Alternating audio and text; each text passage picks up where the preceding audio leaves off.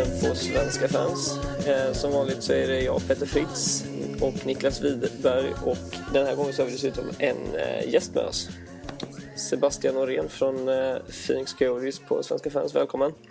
Tjena, tjena, tackar! Hur, hur är det på andra sidan pölen? Jo, det är bra, varmt och skönt. Det var 35 grader idag. det är lite skillnad från Sverige. ja, lite. Det är, bara, det är bara 30 grader mer. ja, precis. ja, herregud. Hur, eh, hur länge har du skrivit på Svenska fans nu? Uh, det är, jag är rookie. Det är väl någon månad. Typ. Okay. Men nu ändå... Ja, det var precis i säsongsinledningen där du hoppade på. Ja, Eller innan, innan säsongsinledningen. Mm. Du har hunnit med en eh, live-rapportering då? Ja, det har jag. Kan du berätta lite om den? Det var ju en speciell match då.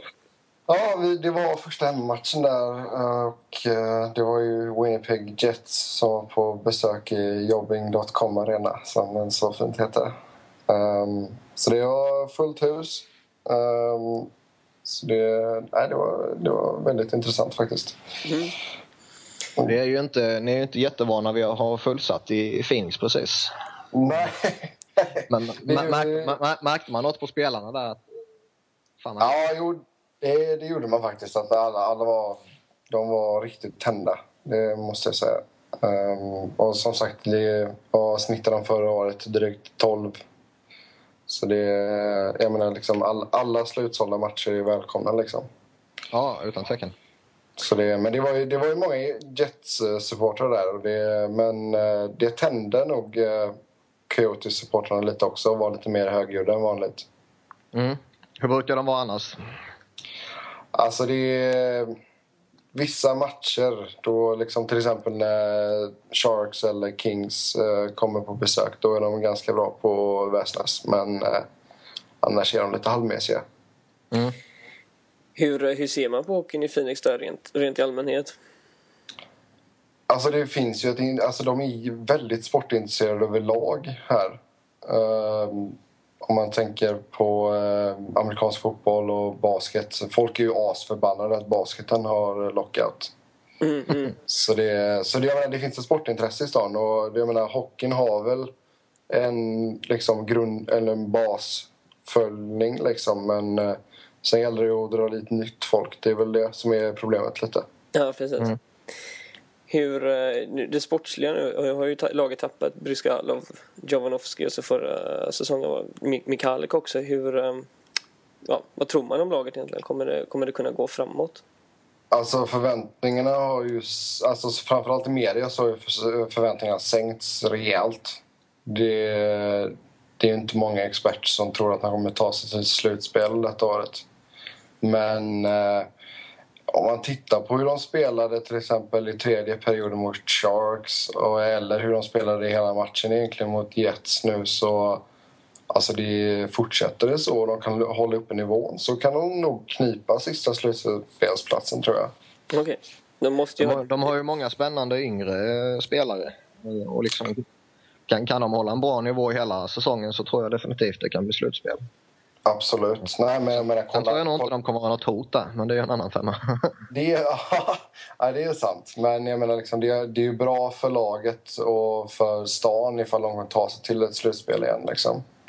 Men ja. äh, kollar man på äh, till exempel Oliver Ekman Larsson då, liksom, han har tre baljer redan. Liksom, han hade en på hela säsongen förra året. Mm.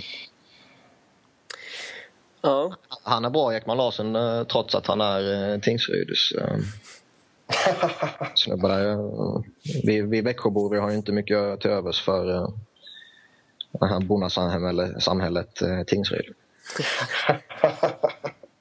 ja, nej, men det, det, han, han har ju sagt det även med intervjun med mig och intervjuer med tv och sådär att han har fått mer förtroende nu och att det, det, han känner av det, liksom, att han vågar mer. Mm. Så det, och hans andra mål i matchen mot Jets var en riktig rökare. Så det, han borde skjuta mer. Mm. Vad, vad tror du om en sån som eh, Mike Smith?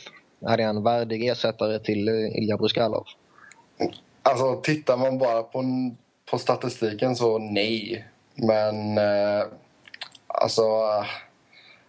det jag, av det jag, jag har ju sett alla deras matcher nu hittills och han, han, han är ju inte liksom extravagant i sina räddningar utan han, är, han står ganska mycket still. Alltså. Mm.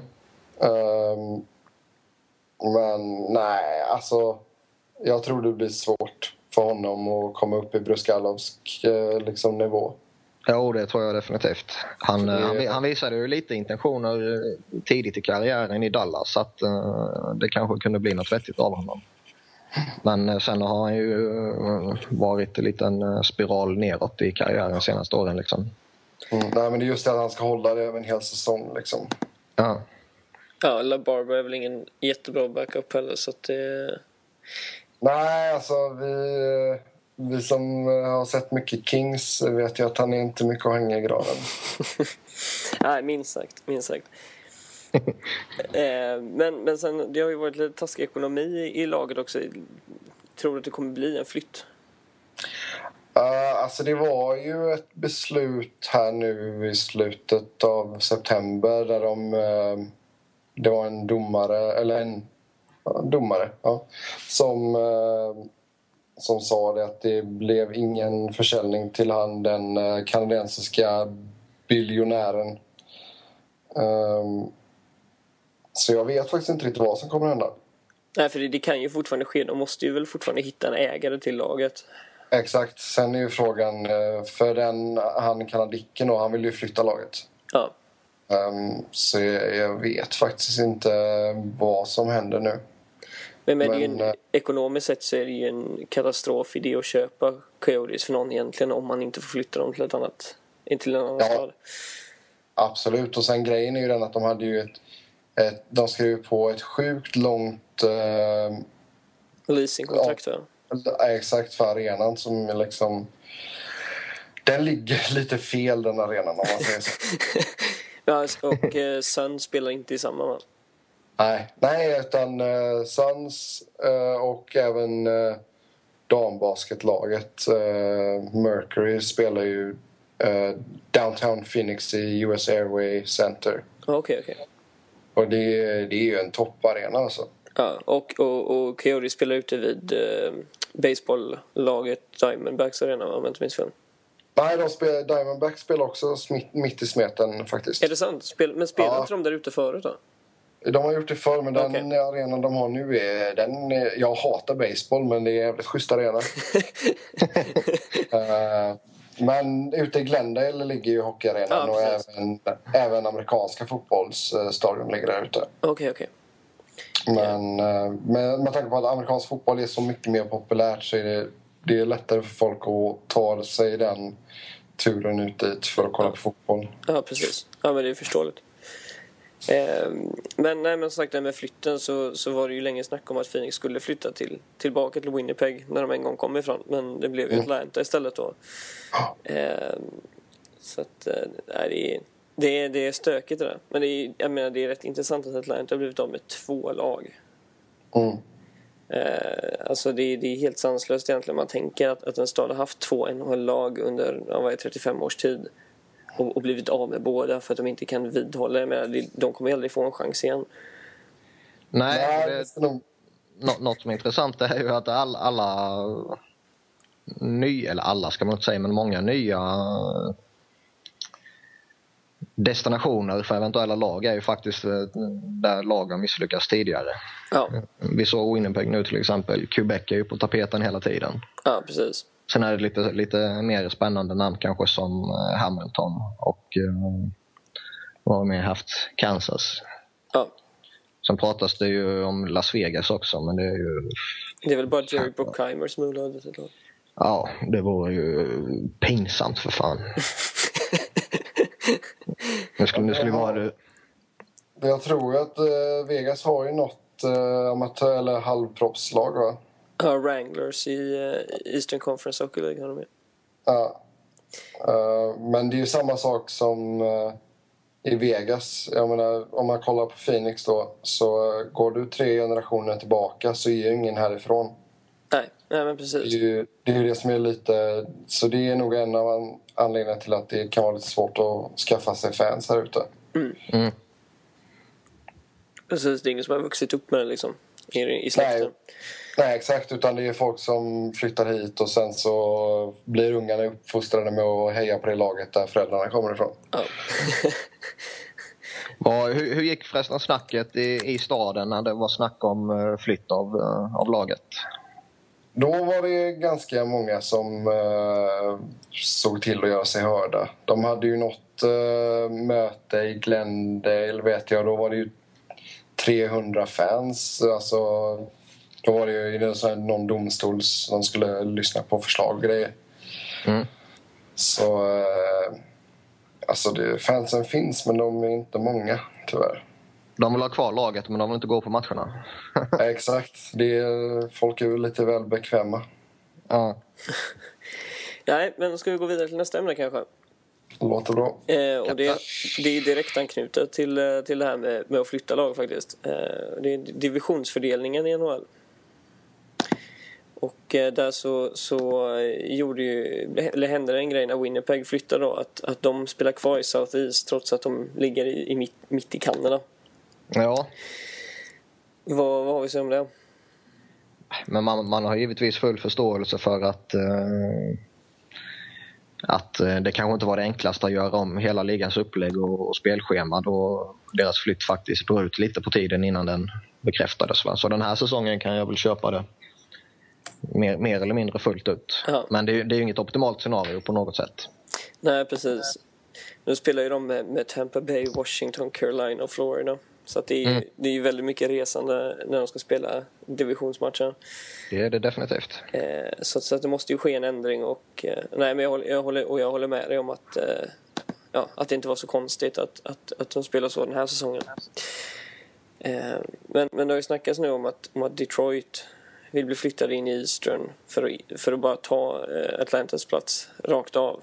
Eller Winnipegs Mm. plats rakt av. Och, och att Winnipeg då skulle ta Central Division-platsen. Eh, och det är en väldigt enkel lösning men, men det, det känns lite för enkelt nästan. Vad, vad, vad har ni för tankar om det? Alltså, hur, hur skulle man ändra? Jag tror vi har tappat uh, Sebbe där va? Nej, jag är kvar. Jag tänkte att Du är kvar? börja. Ja, nej, nej, för jag, jag hörde lite jättetyst. För tyst. Jag hade tappat dig. Nej, men då, jag- då kör jag kör börja. Ja, börja du.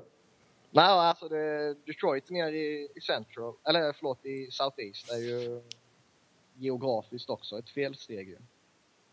I och med att de ligger eh, högt upp bland eh, alla sjöarna på gränsen mellan USA och, och Kanada. Geografiskt är inte det det mest ultimata utan eh, geografiskt är det ju Columbus eller eh, framförallt Nashville kanske som ska in i, i Eastern Conference när, när Winnipeg flyttar upp dit. Va? Ja. Eh, Däremot vet vi att eh, Detroit har ju uttryckt ja, mer eller mindre krav om att de ska hamna i Eastern. Och NHL kommer troligtvis lyssna på Detroit. Däremot krävs det ju att 20 av 30 klubbar stöttar eller röstar igenom eh, enhälligt. Då, va? Precis. Och då är frågan eh, liksom eh, vill lagen i Eastern Conference verkligen ha över Detroit? Visst, de säljer, nej, men alltså de säljer lite tröjor och de säljer lite matchbiljetter när de kommer och sånt där. Va? Men alltså om man ser rent spelmässigt, vill man ha Detroit eller vill man ha Columbus i sin co- conference? Eh, det, det är ju ett rätt lätt val egentligen. Alltså rent om, om man ska ha en större chans att vinna sina matcher. Ja, det är ju Columbus eh, tio dagar i veckan. Liksom. Precis. Men, men vad, vad har du för tankar? Hur skulle, hur skulle du vilja ändra om för att få det så bra som möjligt? person, det har ju pratats över, över sommaren här nu att man kan eh, göra om hela upplägget med alla divisioner. Men eh, då tappar man ju all rivaliteten som finns i ligan i praktiken. Eller all, men mycket. Och eh, jag vill ju inte göra det utan jag, jag vill ju försöka hålla det till eh, så lite flyttar som möjligt. Och eh, det mest eh, geografiskt lämpliga är ju att Winnipeg kliver in i Northwest med Vancouver och Calgary och de kanadensiska lagen där uppe plus Colorado då. Mm, mm. Och att Minnesota i sin tur hamnar i Central Division och att Nashville kliver ner i Southeast. Eh, Men då vet vi att då är det problematiskt där för då vill inte NHL ha en division med fyra kanadensiska lag och ett amerikanskt lag. som det blir i Northwest. Okej. Där Colorado blir ensamt eh, amerikanskt lag när man flyttar över Minnesota i, eh, i Central. Ja, det, det är som det har pratats om tidigare men det, det kanske bara är, är tomt snack så att säga, det vet man ju inte. Ja, precis. Men, eh, ja. Nej, Det är, en bra lösning. Eh, Min är ju lite liknande, men jag har tagit det två, två steg längre nästan. Eller ett steg längre i alla fall. Och det är ju att Nashville flyttar in i Southeast då, till att börja med. Mm. Eh, och tar Winnipegs plats då. Dallas tar Nashvilles plats i Central Division. Så man eldar på rivaliteten mellan Detroit och Dallas. Eh, Colorado tar Dallas plats i Pacific Division. Får spela med Kings och, och Ducks och eh, Sharks och eh, Coyotes. Och Winnipeg tar Colorados plats i Northwest. Och får spela med de andra kanadensiska lagen och Minnesota. Mm. Men då är det liksom samma upplägg där också. Och, eh, ja, jag tycker väl att eh, hur, hur man än gör så kommer ju man trampa folk på tårna. Liksom. Ja. Så man kommer aldrig kunna glädja alla 30 lagen utan det kommer alltid vara en hel drös med lag som är missnöjda. Ja, absolut. Framförallt med tanke på att Mike Illich, Detroits ägare, har gått ut och sagt att, att, de, att Detroit har blivit lovad en plats i Eastern vid ett tidigare tillfälle. Ja, ja, vilket... Eh, Han inte har något belägg för. Nej, och inte har något med saken att göra liksom, utan då, då måste han i så fall ha pratat med 20 stycken andra general managers. Liksom. Eller 19 andra. Han kanske har rätt själv. Kanske har fått det i löftet på någon julfest eller någonting. Ja, ja, precis. man vet aldrig. Efter julglöggen där. vad, vad säger du, Sebastian? Alltså det, jag skulle inte vilja vara ansvarig för detta. Alltså. Det är ett jäkla pussel alltså. Det, men eh, ja, jag hade inte tackat nej till att se Colorado i Pacific och kasta bort Dallas. Det, det, den hade jag tagit alla dagar i veckan. Men eh, som sagt, jag menar... Jag kan förstå ifall de inte vill ha fyra kanadensiska lag och ett amerikanskt lag i samma division. Liksom. Men eh, jag menar, Bettman snackar ju om att man kanske skulle köra två divisioner med åtta lag och två divisioner med sju lag. Mm. Men eh, då liksom vilka ska gå i vilken och ja. Det är som sagt, det är ett riktigt pussel. Ja. Alltså, men det är väl nästan tur att det, att det måste vara 20 som kommer överens om det. Ja, det är jag, absolut. jag tror inte att några stora förändringar kommer få genomslag i och med att det, det krävs 20 av 30 som ska acceptera det. Ja, precis. Det måste ju vara någon supermodell i sådana fall. Ja, och liksom det, det har ju tjatats om det hela sommaren och nu in i oktober. Liksom. Mm. Och någon supermodell har inte kommit fram ännu. Nej, precis. Inte, inte ens hockeygurun Bob McKenzie kan komma på något vettigt förslag. Liksom. Han hade ju en uh, jättegenomgång av eh, hela den här grejen häromdagen. Liksom. precis. Eh, På, på TSN bara. Mm, mm. Eh, Så det, det är värt att kolla upp så man får, får förståelse för hur, hur, eh, Ja, hur det ligger till. liksom. det, det står mycket kloka saker där och uh, framförallt så går han ju igenom alla olika scenarion och vad som är fördelen med det scenariot men vad som är nackdelen med det också. Ja, precis. Och han kommer ju inte heller fram till någonting.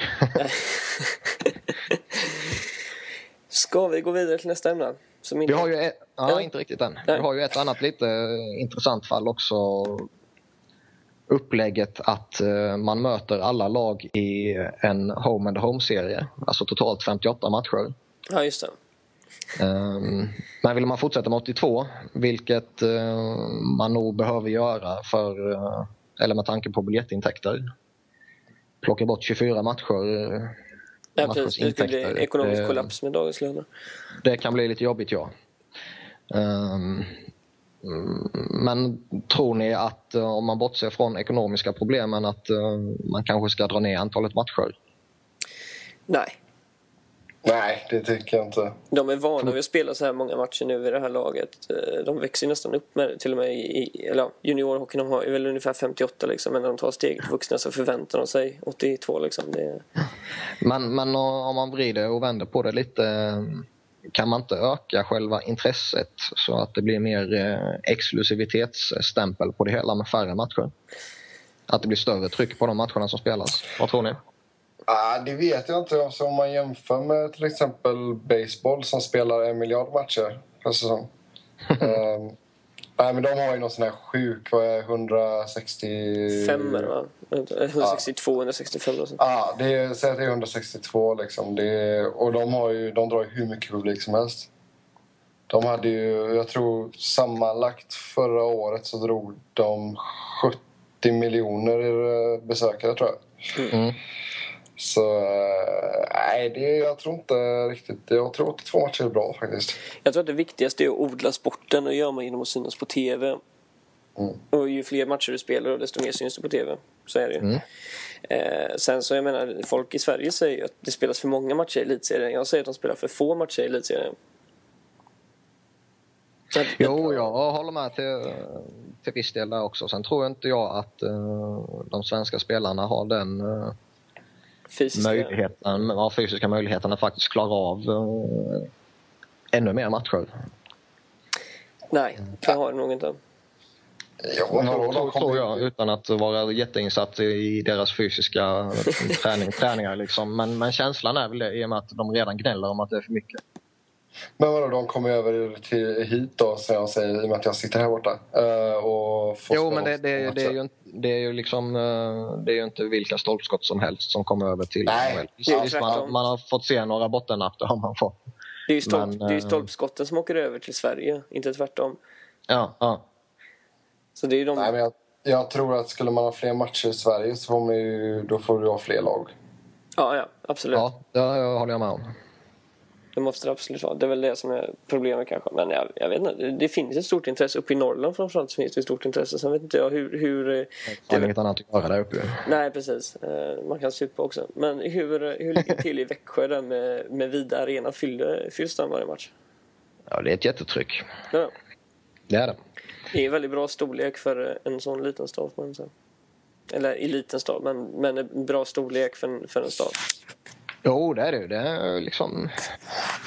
Snacket på stan är ju Växjö Lakers liksom. Mm. Mm, Och det finns ett intresse. Sen är frågan om eh, Växjö Lakers kan bibehålla det intresset hela säsongen.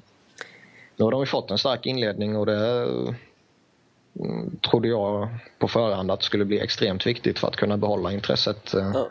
utöver eh, de första tio matcherna med det här liksom nyhetens behag-känslan. Men det, det verkar som att intresset står sig. Okej, ja, kul att höra. Det, det Mm. kommer väl nog hålla i sig hela säsongen tror jag. Ja, det, Alltså- det, nu med den här inledningen tror inte jag det kommer att vara problem alls. Det är skillnad på om, om man tittar på eh, till exempel Frölunda då liksom som har... Det var ju ett par säsonger där det var mer eller mindre fullsatt varenda match.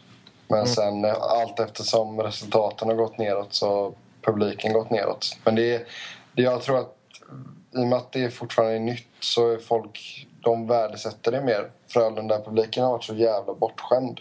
Ja, precis. Så att så fort det inte är vinst så är det liksom bara blä. Nej, nu får vi, nu får vi släppa elitserien killar. Ehm, Ja. går vi, nu, nu kan vi gå vidare till nästa ämne eftersom vi ändå snackade om, om spelare som åker över till eh, USA. Fast det, det ska inte handla om svenska spelare. Men ehm, jag vill ha tre namn från er var på, på eh, spelare som har imponerat så här långt in på säsongen. Lite yngre spelare Lite yngre spelare, precis. ja, ska vi tillägga. Jag har ju plockat fram eh, James Neal, Pittsburgh. Sen har jag föga förvånande plockat fram Claude Giroux, Philadelphia. NHLs bästa spelare kanske. Och, eh, sen eh, Tyler Seguin, Boston. Och sen gjorde jag en fuling och tog fyra namn. Så jag tog Semyon Varlamov Okej. Colorado. Ja, det får diskuteras. Seb?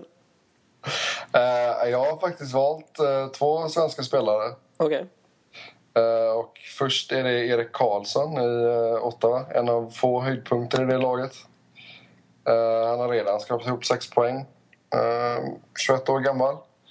Och sen eh, har jag plockat vår eh, nya Foppa, som de vill kalla honom. Eh, Landeskog. Mm. Eh, och sen så hade vi... Ska vi se. Ja, nu är min dator rolig.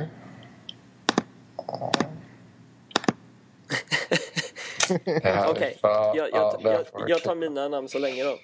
Eh, jag har då Phil Kessel, eh, John Tavares och Ryan Nugent Hopkins. Eh, du kan ju börja utveckla ditt eh, Wiberg så att vi har någonting att såga under tiden. Ja, alltså börjar man med James Neal så var ju han eh, inte extremt lyckosam den gångna säsongen när han kom till Pittsburgh. Eh, det blev ett mål på 20 matcher i grundserien och sen ett mål i första slutspelsrundan där innan de åkte ut mot Tampa Bay. Mm. Eh, och det har ju faktiskt börjat uh, huggas lite på honom under sommaren. Pittsburgh-fansen kan ju vara lite upp och ner ibland ju. Det vet vi alla. Så det börjar gnällas lite på honom att ja, men han kanske inte var värd det priset de betalade för Goligoski var ju ändå en, en uppskattad spelare hos dem. Liksom. Precis. Men han har definitivt överbevisat alla de här belackarna under inledningen med smält in fem baljor på sex matcher. Okej, okay, okay. Och eh, nu med Pittsburgh har haft lite problem med eh, Crosby borta och Malkin och Jordan Stahl har ju haft lite problem också. Så har Neil klivit fram för dem och börjat producera. Okej. Okay. Ja, precis. Eh, det, det, är imponerande att se hur han, att han har lyckats komma in i laget så pass bra. Mm. Och, Men det, det, var kanske en, en, en training camp han behövde för att kunna liksom eh, nötas in i systemet och Precis. Lä, lära sig lagkamraterna så att säga. Absolut. Eh, vidare till nästa namn då, Giro. Ja, eh, vårt eh, eget lilla spelgeni. Hyll, hyllad av Jaromir Jagr som eh, en liten Lemieux. Men eh, Jagr har inte gjort några mål under säsongen än va? Nej, men... Då måste väl Giro passa bättre? Ja, han passar gott nog. Eh, säsongen är bara fyra matcher över. Men eh, nej, men han, han, har ju en speluppfattning och en klubbteknik och vad ska man säga, liksom en flyt i allting han gör som är smått otrolig. Och visst, jag är lite färgad av honom i och med att eh, blöder orange så att säga. Nu, nu sitter du inne i en låda och snackar igen Niklas. Vad säger du? Du satt inne i en låda och snackade igen och gick knappt att höra vad du sa. Men alltså. eh, jag, jag, tror, jag, tror, att vi uppfattade, det var no någonting om att eh, han är helt värdelös. det var en eh, rejäl kärleksförklaring var det. du höjde du rösten igen så att du gick ner på låg. Nej, men om jag, om jag, får säga någonting om honom så det om man, om man kollar på Euros säsong förra året så där han tog ett bra kliv i utvecklingen där. Så. Precis, men det, är, det är helt underbart att när, när Niklas försvinner så är det bara att köra över honom. Nej, för han hade, jag menar förrförra hade han minus, då hade han minus 9 plus minus och sen förra året så hade han plus 20 helt plötsligt. Liksom. Mm. Han, han utvecklade, han slog igenom i, i slutspelet 2010 eh, där ju, när de gick till final. Eh, och sen fortsatte han på den inslagna vägen som du sa då under, under gångna säsongen. Mm. Och verkar ha tagit eh, ett litet kliv till. Och han har hittat en fantastisk kemi med Jäger. Som ser väldigt, väldigt lovande ut inför den här säsongen. Okay. Får väl se ifall han kan toppa 51 assist. Det tror jag han har goda förutsättningar för. Framförallt om eh, James von Riemsdyk eh, kliver fram som man förväntar sig att han kommer kliva fram också. Och höja sin produktion ytterligare. Mm. Då kan vi gå till ditt tredje namn då. Mm. Tyler Seguin. Misshandlad av Boston i fjol, tycker jag. Eh, med väldigt begränsad speltid. Han snittade 12 minuter över hela säsongen och mm. fick, fick, ofta spela i en eh, tredje fjärde kedja med lite halvsunkiga kedjekamrater, alltså halvsunkiga sett till vad han behöver, sett till vilka spelartyper han behöver jämte sig. Um, däremot har han fått ett jätteförtroende hittills i år och um, har visat um, framfötterna direkt. Gjort ett mål, fyra assist på fem matcher och även om Boston eh, alltså stundtals har eh, ja, haft en klassisk eh, baksmälla men stundtals inte har sett skymten av det. Så, så har han varit en av de här jämna spelarna under inledningen tycker jag. Ja precis. Han, han, han kom in där i slutspelet liksom. Det var ju det. Mm. Fick bevisa sig liksom. Ehm, Nej, men absolut. Han, är, han kommer ju bli en kanonbra spelare. Han, han är fortfarande i en bättre miljö än vad, än vad Taylor Hall är. Om man ska ja. se till jämförelsen mellan nummer ett och nummer två där, i den draften. Utan tvekan. Ehm, och ja, Valamov. Eh, ja, alltså det var ju en... Um en trade som i somras såg väldigt, väldigt tveksam ut från Colorados eh, synvinkel. Mm. Eh, och som fick en, eh, en del eh, kritik också. liksom. Ehm, men hittills har den ju visat sig vara väldigt, väldigt lyckosam. Colorado behöver en första målvakt, det ska gudarna veta. Men Valamov har ju varit ojämn och, och skadad tidigare. Ehm, men ehm, Ja, men det gäller att han kan hålla en jämn nivå liksom. Jag menar Colorado Ja. har inte den starkaste backuppsättningen heller. Kan man ju inte säga. Nej, den är ju inte tipptopp. Så att, eh, så att det gäller ändå att han kan få att han kan spela på topp hela säsongen nästan för, för, för att han ska vara värd också. För de, de, Ja. det var ju ett högt pris.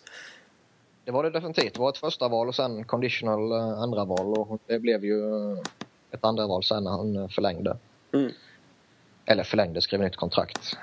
Ehm, men som sagt, han, har- han har inlett väldigt, väldigt positivt samtidigt som det har blivit lite, lite eh, tyngre för hans ersättare i Washington i Thomas Vukun. Ja, precis.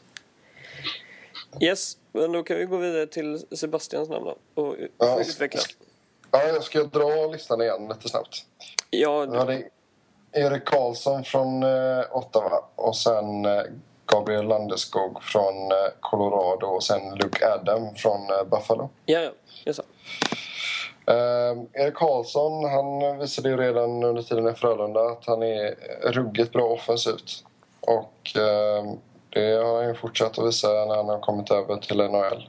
Eh, denna, han måste ju fortsätta jobba på defensiven men jag menar, han har plockat upp sex assist på fem matcher. Mm. Han är ju ungefär lika defensiv som Mike Green var eh, för några år sedan. Exakt. Så att han är han är definitivt farlig bakåt. Det är knappast tacksam för, för resten av laget när han är ute och, och snurrar. Nej, Nej, nu alltså spelar det- fyra forwards ja, det gäller ju att han har någon som är riktigt stabil eh, bredvid sig. Ja, precis. Och eh, nästa namnet var... Gabriel Landeskog, våran, våran nya Foppa. som, han, som han inte vill bli kallad. Eh, nej, men jag tycker det är starkt av en kille som är 18 bast och gå in så som han har gjort och verkligen eh, krig, krigat in målen. Liksom. Ja. ja det första målet är Eh. väl ingen som vet hur han gjorde riktigt. Nej, det gick väl via tröjan eller någonting. Eh, sådär. Fan. Men han lyckades få det på något sätt i alla fall. Han, var, han såg väldigt glad ut i alla fall. Ja. Och sen så gjorde han ju två Så. poäng i matchen efter det mot eh, Ja, Montreal. exakt. Nej, så det, han visar ju bra potential. Mm. Och sen hade vi Luke Adam från eh, Buffalo Sabres. Yes. Ehm, han eh, spelade lite förra säsongen. Ehm, han lyckades få fyra poäng på 19 matcher. Nu har han sex poäng på fyra matcher. Tre mål och tre assist. Mm. Så det är verkligen ett kliv i rätt riktning. Ehm, de skickade ju ner honom till Portland Pirates och där så hade han ju 62 poäng på 57 matcher. Så det är, det är en kille som jag tror kan fortsätta att producera. Absolut. Nej, jag Det är såg, ju jag såg En honom i... intressant spelartyp också. Mm. Mm. Absolut. Jag såg honom i Berlin där mot Kings och han, eh, han var inte dålig om man säger så. En krig, krigar bra. Krigar riktigt bra. Bu- Buffalo eh, behöver ju definitivt den spelartypen i sin topp 6. Alltså en, en stor, tung eh, som inte har problem att, att ge sig in i skiten liksom. Nej, precis. Resten av eh, de grabbarna som är lite yngre ja. har ingen större längd liksom. Nej, och sen har de liksom dvärgar som Gerbo och Ja. Och, och Roy. Alltså det, de behöver någon med lite muskler där också. Precis. Eh, då vill jag ta mina namn också. Eh, jag vill börja med... Det här är ju tre... Två av dem är fall såna här som att okej, de har börjat bra. Får vi se hur, hur det går vidare. Och det är ju ja, Kessel då. Eh, började ju för några år sedan redan i, NHL och sen blev tradad till Toronto där det har gått halvdant liksom. Eh, men, men nu i år så har han ju än så länge har han ju exploderat när han gjorde första hattricket i NHL den här säsongen och stått för åtta poäng på tre matcher. Eh, Men vi vet också att Kessel är alltid väldigt, väldigt streaky i sin produktion. absolut. Det är Han, han kan- gå en vecka eller två där han eh, pumpar in poäng och sen går han eh, fem matcher där han inte gör ett skit och så blir han direkt ifrågasatt och ska tradas bort från. Toronto. Liksom. Men det här kanske är året, vem vet? Den kanske är mognat. Ja, det har skett, skett, det har skett större under än, än det. Va? Men eh, han kommer säkert göra sina 30 mål, det tror jag. Så pass skicklig är han ju individuellt. Det är inget snack om saken. Han har ett ruggigt skott med. Liksom. Mm. Men ehm, han är inte den spelaren jag skulle vilja ha som min ledande offensiva spelare. Nej, nej, nej. Han hade passat, Nej, ja. nästan varit bättre om han hade varit kvar i Boston egentligen rent för hans, hans del också. Mm. Eh, nästa namn, John Tavares. Också en sån där som man inte vet vad man har riktigt. Han är ju fruktansvärt endimensionell egentligen. Ja. Eh, bara, kan bara göra mål liksom. eh, Sådär. Men, men nu har ju han börjat... Ja, han har också åtta poäng fast på eh, fyra matcher. Mm. Och, och det var ju två fyra poängsmatcher i rad. Så att vi får liksom... Ja, vi får se vad som händer där. Men han är ju en spännande spelare och han spelar i ett lag som har många unga spänn, spännande spelare i övrigt också. Så att det, känns som det kan gå lite hur som där. Jag är väl inte helt såld på honom ännu. För det var som du var inne på, jag tycker inte han har tillräckligt brett register ännu. Nej, nej. Men det kommer han nog aldrig ha heller. Nej, men man, man kan ju komma till en nivå där eh, man är så pass bra på någonting att det kompenserar för övriga brister. Ja, precis. Och det, det är han ju inte i närheten av ännu. Nej. Även om han har inlett den här säsongen väldigt starkt. Ja, det gäller nog att han får rätt kedjekamrater också. Jo, Mm. absolut. Eh, Men, men de har ju som sagt de har ju många unga spännande spelare så att det, vi får se, se vad som händer. Han har gjort ett assist också. Så att det, Oj, oj, oj. ja, det är alltid något. Ja. det är väl, eh, vad är det han är? Han är fem, fem plus tre. Så att, eh, ja. ja det är, vem vet, han kanske blir ny assistkung. Du har stora förhoppningar innan han märker det. Nej, men, slä- men han kan ju bara passa Grabner i defensiv zon, så kör Grabner och slänger in den liksom. Då får han ju en pinne för det. På tal om andra endimensionella spelare. Precis. Ja, och så mitt sista namn Ryan Nugent Hopkins eh, valdes som etta i, i draften i år. Och eh, ja, vad ska man säga? Han, han kommer in i ett lag som jag snackade om tidigare, Edmonton, som är, också är endimensionella fast som ett helt lag. Då. Och, eh, ja, är, han, han har gjort fyra mål på, på några matcher nu, eh, bland annat ett hattrick. Och eh, det var någon som, som skrev på Twitter att han fick eh, Taylor Hall att se ut som en bust.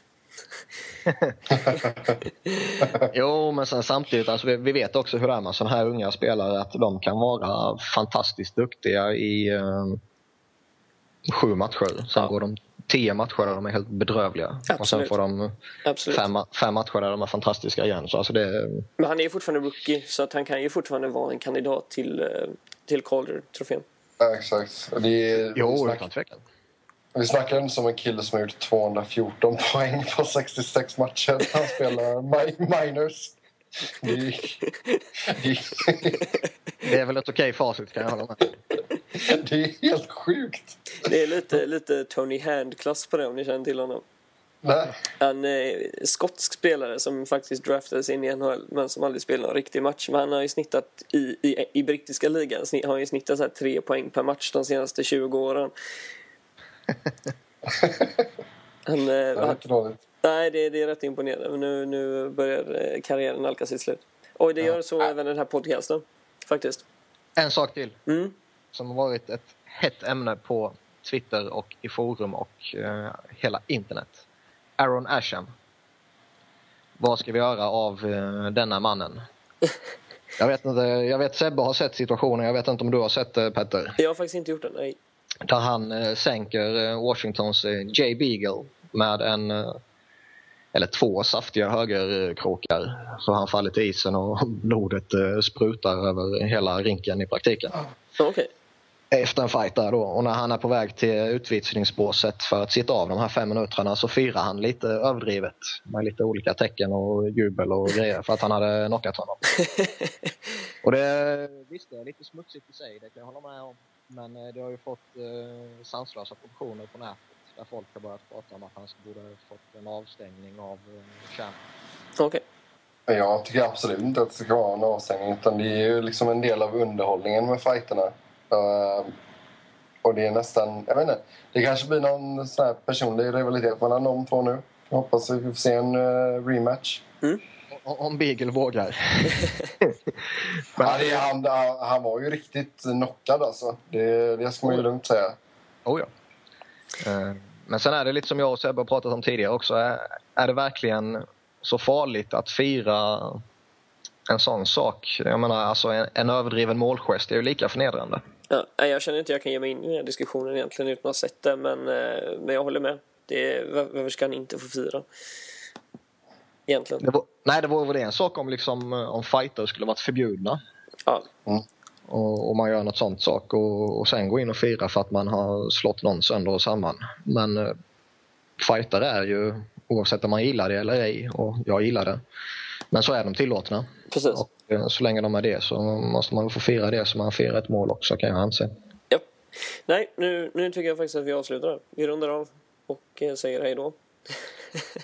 Vi tackar Sebbe för idag också. Ja, absolut. Ja. Tack så jättemycket Tack. Sebbe. Och får inte glömma att uh, följa oss allihopa på Twitter också och skriva till oss uh, med vad det nu kan vara. Det är Petter Fritz, ett ord, Niklas Wiberg, ett ord och Seb Noran i ett ord. Eller ingen apostrof? Nej, ingen apostrof. Perfekt. Då tackar vi så jättemycket och eh, hoppas att ni eh, gillar den här podcasten. Ja, tack för idag. Tack. Hej. Ha det gott. Bye. Hej, hej.